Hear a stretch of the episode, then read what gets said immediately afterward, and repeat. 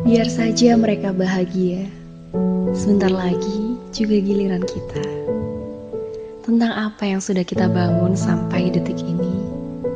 Tentang apa yang kita pertahankan selama ini. Kita hanya perlu percaya dan doa.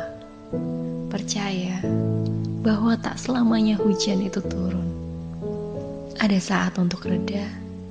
Ada saat hari berganti cerah. Ada waktu gelap akan terkikis cahaya purnama. Beratnya uji dan masalah itu tak akan lama.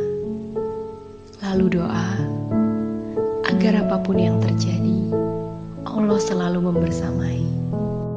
Selalu ingat kata-kata ini.